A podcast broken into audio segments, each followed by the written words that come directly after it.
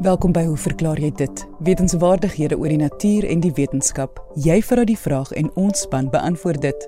En ons paneelkenners vandag is herpetoloog professor Lefras Meton en ekoloog Dave Peppler.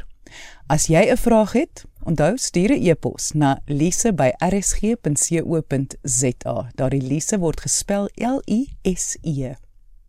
Ons gaan vandag begin met 'n vraag van Fransie wat beantwoord gaan word deur ekoloog Dave Peppler.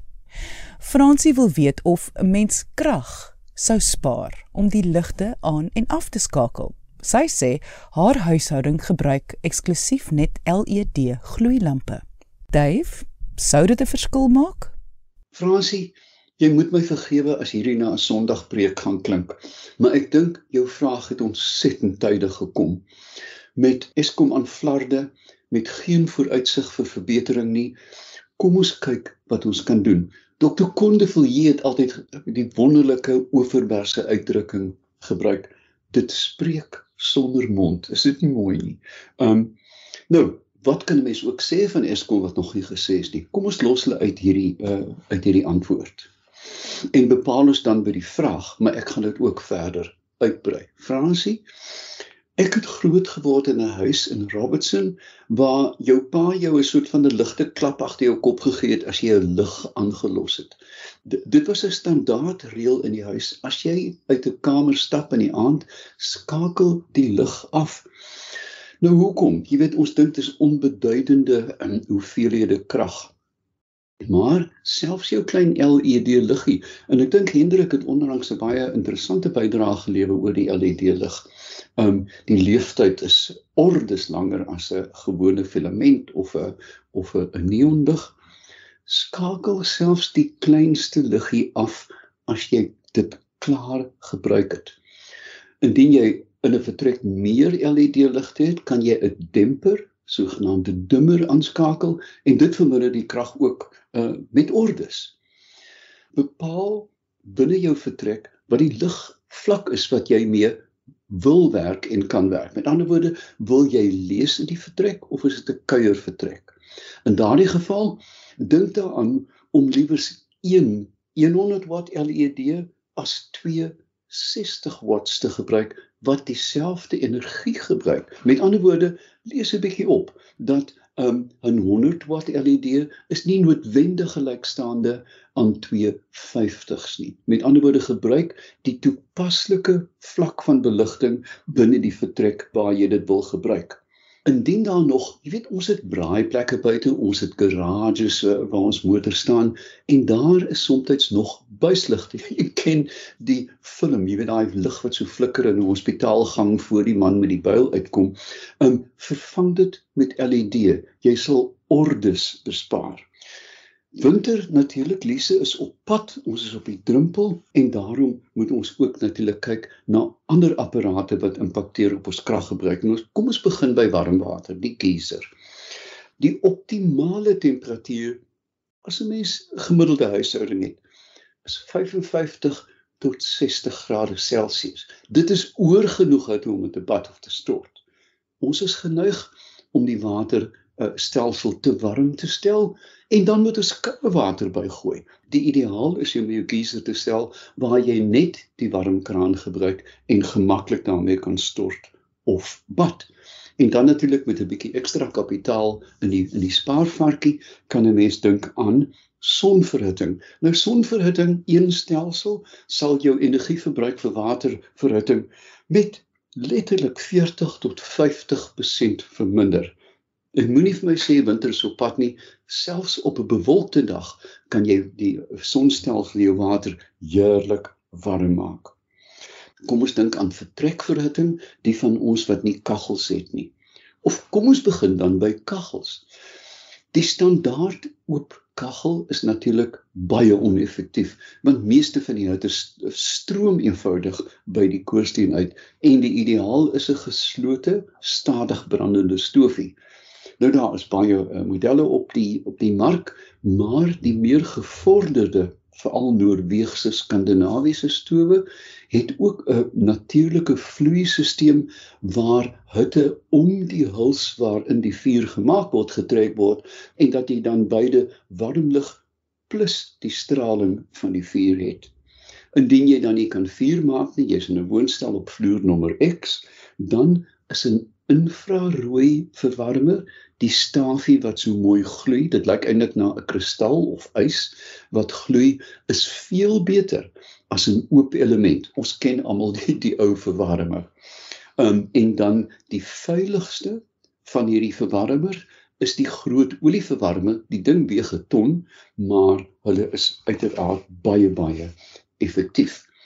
Nog 'n manier om verhitting te be, uh, te beperk um, en effektief te maak is om seker te maak dat jy isolasie of isolering dan bo op jou plafon het. Daai pink wol goed.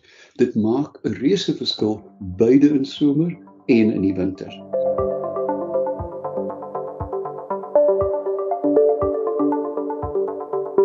En dan die gebruikte elektriese kombers. Ek erken op my ouderdom dat dat ek self een het.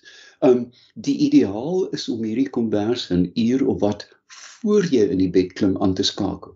Dit beteken dat jy nie noodwendig die die uh, slaapkamer hoef te verhit nie. Jy stort en hardloop dan soos 'n vlak haas en duik in jou bed en onthou om dit dan af te skakel. Skottelgoedwassers, jy weet, die ou geuit dit, maak dit vol voor jy dit gebruik koppel die water aan die koue kraan en nie aan die warm kraan nie. Dis verstommend hoeveel mense die warmwatermasjien aan 'n warm kraan sal koppel. Hulle dink dat hulle meer krag spaar. Skakel die masjien af na die laaste spoel en voor die droog en los of die deur oop. Dit sal natuurlik droog of droog dit dan met 'n lap af. Hou die filters van die masjien um skottelgoedwassers. Natuurlik daar's partikels van kos, ryskorrels en beentjies en stukkies vleis en jy moet sorg dat die filters gereed skoon gehou word. Laastens dan installeer jou skottelgoedwasser weg van jou yskas want die apparaat, die hele apparaat straal hitte en as jy hom knap teen 'n yskas sit, moet die yskas dan oortyd werk terwyl die skottelgoedwasser dan ook werk. Ons kom by tuimeldroers. Daai voorstedelike geluid van klonk klonk klonk van ding wat droog word. Moderne uh tuimeldroers het ekonomiestellers wat die vlakke van verhitting afhou en dalk die siklus 'n bietjie langer aanhou en ook onthou om hierdie apparaat vol te maak. Moenie een sokkie of een onderbroek um in die ding sit en hom dan aanskakel nie. En dan, ek weet dit lyk dalk effens slordig, maar onthou tog 'n voubare drarak vir jou kaggel of jou houtstoofie verrig wondere. Die volgende oggend is alles kurkdroog. Dit lyk nie lekker nie, maar dit werk. Wasmasjiene. 'n Voorlaaier is meer effektief as een wat van bo laai. Gebruik altyd 'n volvrag. Gebruik die kortste moontlike program. Moenie met gewone wasgoed wasgoedlappe en teehemde 'n 90 grade siklus gebruik nie. Sit dit op 30 ekonomie byvoorbeeld. En gebruik koue water wasmiddels. Daar is 'n verskil. As jy werklik wit goed wil wit hê, dan moet jy 'n warmwater wasmiddel gebruik plus 'n lang siklus. Maar besluit oor die siklus en sorteer jou wasgoed daarvolgens. Dan het ek ons moet almal kook. Ek um, het 'n sonkragstelsel en daarom is my stoof gas. Gas is duur, maar gas werk natuurlik uh, verstommend goed as jy eers agter die slag daarvan is.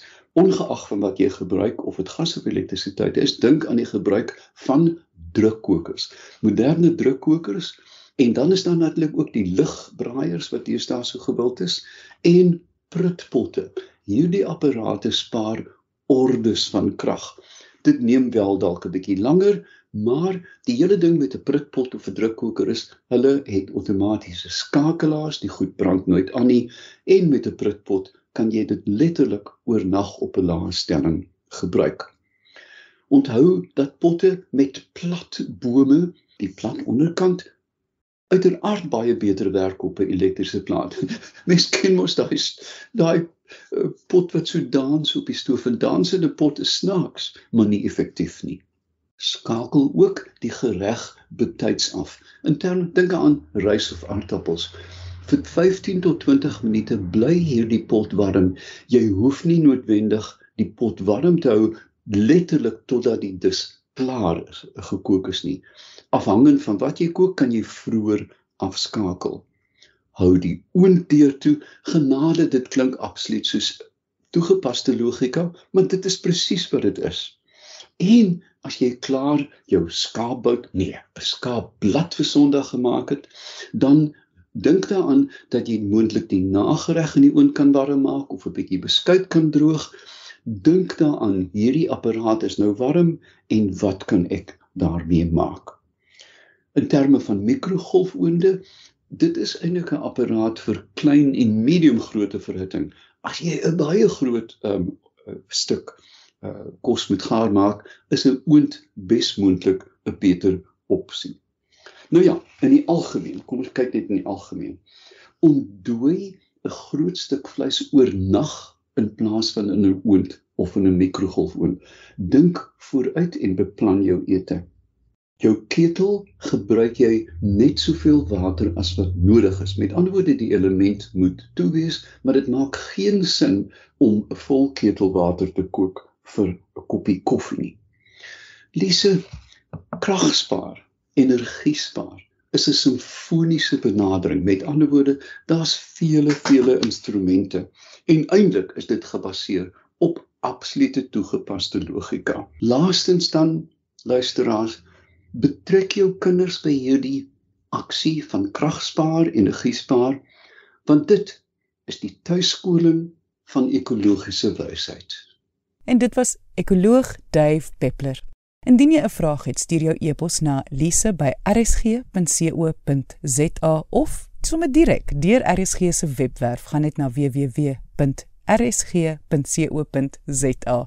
Hoe verklaar jy dit wil graag in 2023 begin met 'n spesiale deel van die program waar ons fokus op verklaringe aangaande vreemde verskynsels amper eintlik enigiets wat 'n mens op TV, in reekse, films of selfs in die media raak sien. Soos byvoorbeeld, wonder jy soms of dit maklik is om iemand se nek te breek? Of kan fungi waarlik die mensdom se einde beteken? Of Hoe kon Gandhi so lank gevas het? Stuur hierdie vraag na my. Onthou, is Lise by rsg.co.za en ons span sal jou vraag op radio beantwoord. Volgende is herpetoloog professor Lefras Meton aan die beurt. Petra van Aswegen skryf: Daar het onlangs 'n baie interessante foto op sosiale media die ronde gedoen. Dit was van 'n slang met 10 paddas wat op sy rug ry. Wat op aarde is hier aan die gang? Is paddas dan nie veronderstel om bang te wees vir slange nie? En vir die luisteraars, hierdie foto waarna sy verwys, dis nou die slang met die 10 paddas op sy rug, is beskikbaar op RSG se webwerf. Gaan net na rsg.co.za. Professor Meton, wat gaan hier aan? Petra, hierdie foto is al in 2018 in Australië geneem. Die padda is die riet skurwe padda. Hy het die wetenskaplike naam Rhinella marina. Nou marina verwys mos na see en ons weet paddas kom definitief nie in die see voor is ook weet jy waar ja nie die naam kom nie. Die slang is 'n 3.5 meter lange olyf luislang. Nou skynbaar het daar 68 millimeter reën binne 'n uur geval en die verklaring wat gegee word vir die paddas op die slang se rug is dat die paddas en die slang van 'n dam wat gedreig het om oor te loop weggevlug het en die paddas toe sommer 'n saamry geleentheid op die slang se rug benut het. Ek stem egter glad nie met hierdie verklaring saam nie. En uh, ek deel die mening van 'n Australiese paddakenner ene Jody Rowley dat dit ieder geval was waar die paddas met die slang probeer paar het. Ja, ek weet dit klink nou baie vreemd, maar kom ek kleer die prentjie so 'n bietjie in. Skurwe paddas, uh dit is nou die familie Buffonidae. Hulle is landpaddas wat net gedurende die broeitydperk by waterbronne vergader om te paar en sodat die wyfies hulle eiers in die water kan lê. Die res van die tyd is hulle maar iewers op die land. Na die eerste somerreën Dis nou in die geval van die rietskurwe skurwepadde vergader die mannetjies dan nou in groot getalle in die aand in die vlakwater op die rand van waterpoele of gronddamme of wat ook al waar hulle dan nou begin roep en wag op 'n paringsgeleentheid wanneer die wyfies nou opdaag. Op enige gegeewe oomblik as daar altyd baie meer mannetjies as wyfies by die waterbron, want die mannetjies bly lank daar om met soveel as moontlik wyfies te paar terwyl die wyfies net paar en hulle eiers lê en dan weer die pad vat. Daar is dus baie kompetisie tussen die mannetjies vir paringsgeleenthede en hulle kan eintlik heeltemal opgewerk raak soos om met enigiets wat voorkom te probeer paar. Die teenwoordigheid van 'n klomp paddas by die dam die aand toe die foto uh, geneem is Volgens die boer was daar duisende paddas, dui daarop dat die reën paringsgedrag aangeskakel het.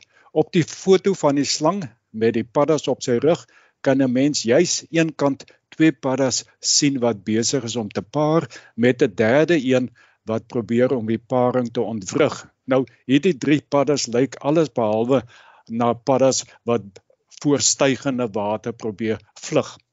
Ek wil dus met Jody Reali saamstem dat die paddas wat natuurlik almal mannetjies sou gewees het, uh met die slang probeer paar het, uh toe die te naby aan die dam gekom het. Die olyfluislang besoek dikwels waterbronne en is 'n goeie swemmer en onder andere vang hy klein krokodilletjies in die water.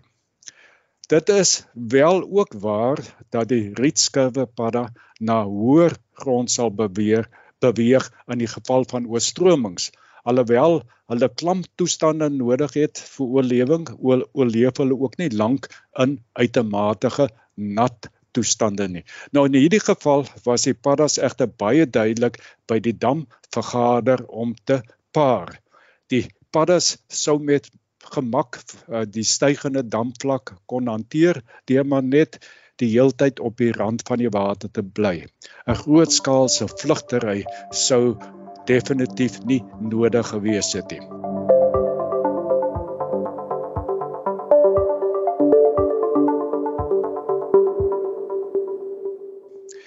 En nou kom ons by Petra se tweede vraag. Is paddas dan nou nie veronderstel om bang te wees vir slange nie? Soos ek reeds genoem het, is skurwepaddas landpaddas. Hulle kan nie soos ander paddas wat by die water bly in die water inspring en wegswem as hulle bedreig word nie. Om die waarheid te sê, hulle kan ook nie eintlik spring nie. Hulle gee net so gou so gou kort sprongetjies. Hulle agtervoete is ook nie geweb nie en hulle is dis ook nie eintlik swemmers nie. Om nou op te maak vir hierdie gebrek aan beweeglikheid as hulle nou deur 'n predator of 'n roofdier bedreig sou word, maak hulle egter staat op gif wat deur kliere in die vel en ook deur die groot sogenaamde paroteskliere net so eentjie agter die ore afgeskei word om hulle dan nou teen roofdiere te beskerm.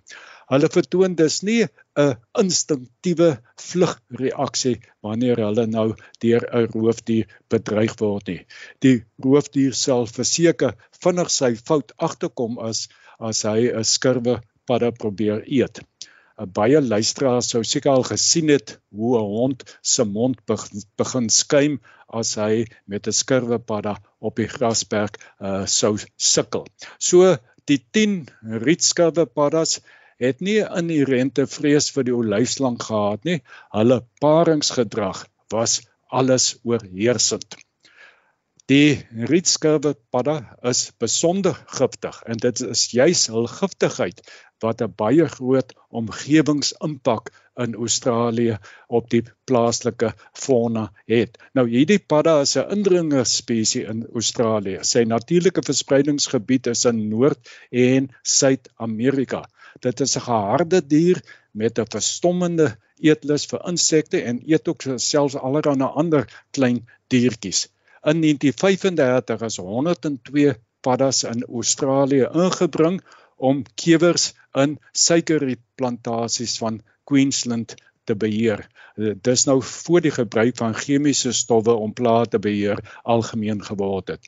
Sedertdien het die padda goed gevestig geraak en sy verspreiding weswaarts begin uitbrei so teen 40 tot 60 km per jaar. Suidwaarts is Brisbane alreeds teen 1945 bereik. Dit het aanvanklik na 'n goeie idee geklink om nou die paddas in te bring, maar ongelukkig het dit weinig effek op die kewer plaag gehad. Die kewers leef leef hoog op teen die suikerrietstamme, daar waar die paddas hulle nie kan bykom nie.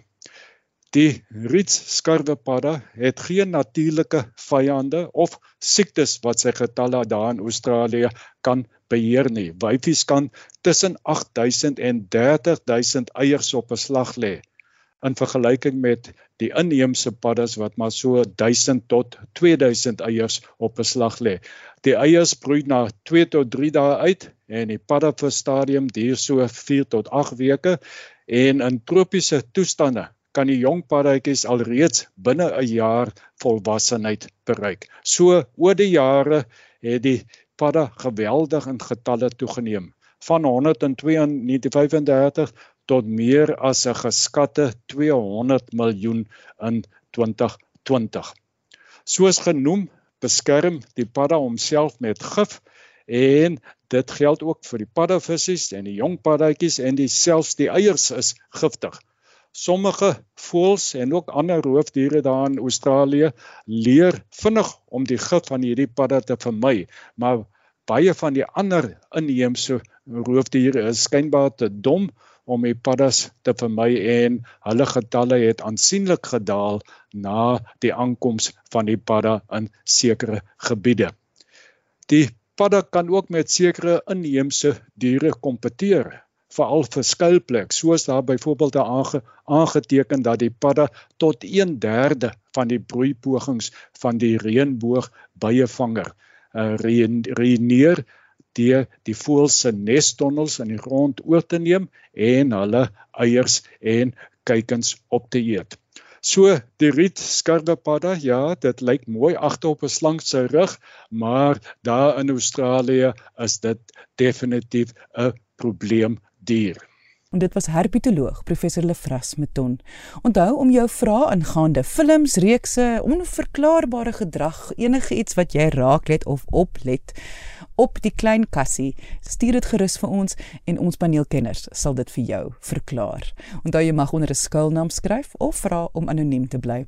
Ek sê baie dankie aan ons kenners. Dit is herpetoloog professor Lefras Meton en ekoloog Dave Peppler en vraagstellers vandag. Onthou om altyd nuuskierig te bly en vra te vra.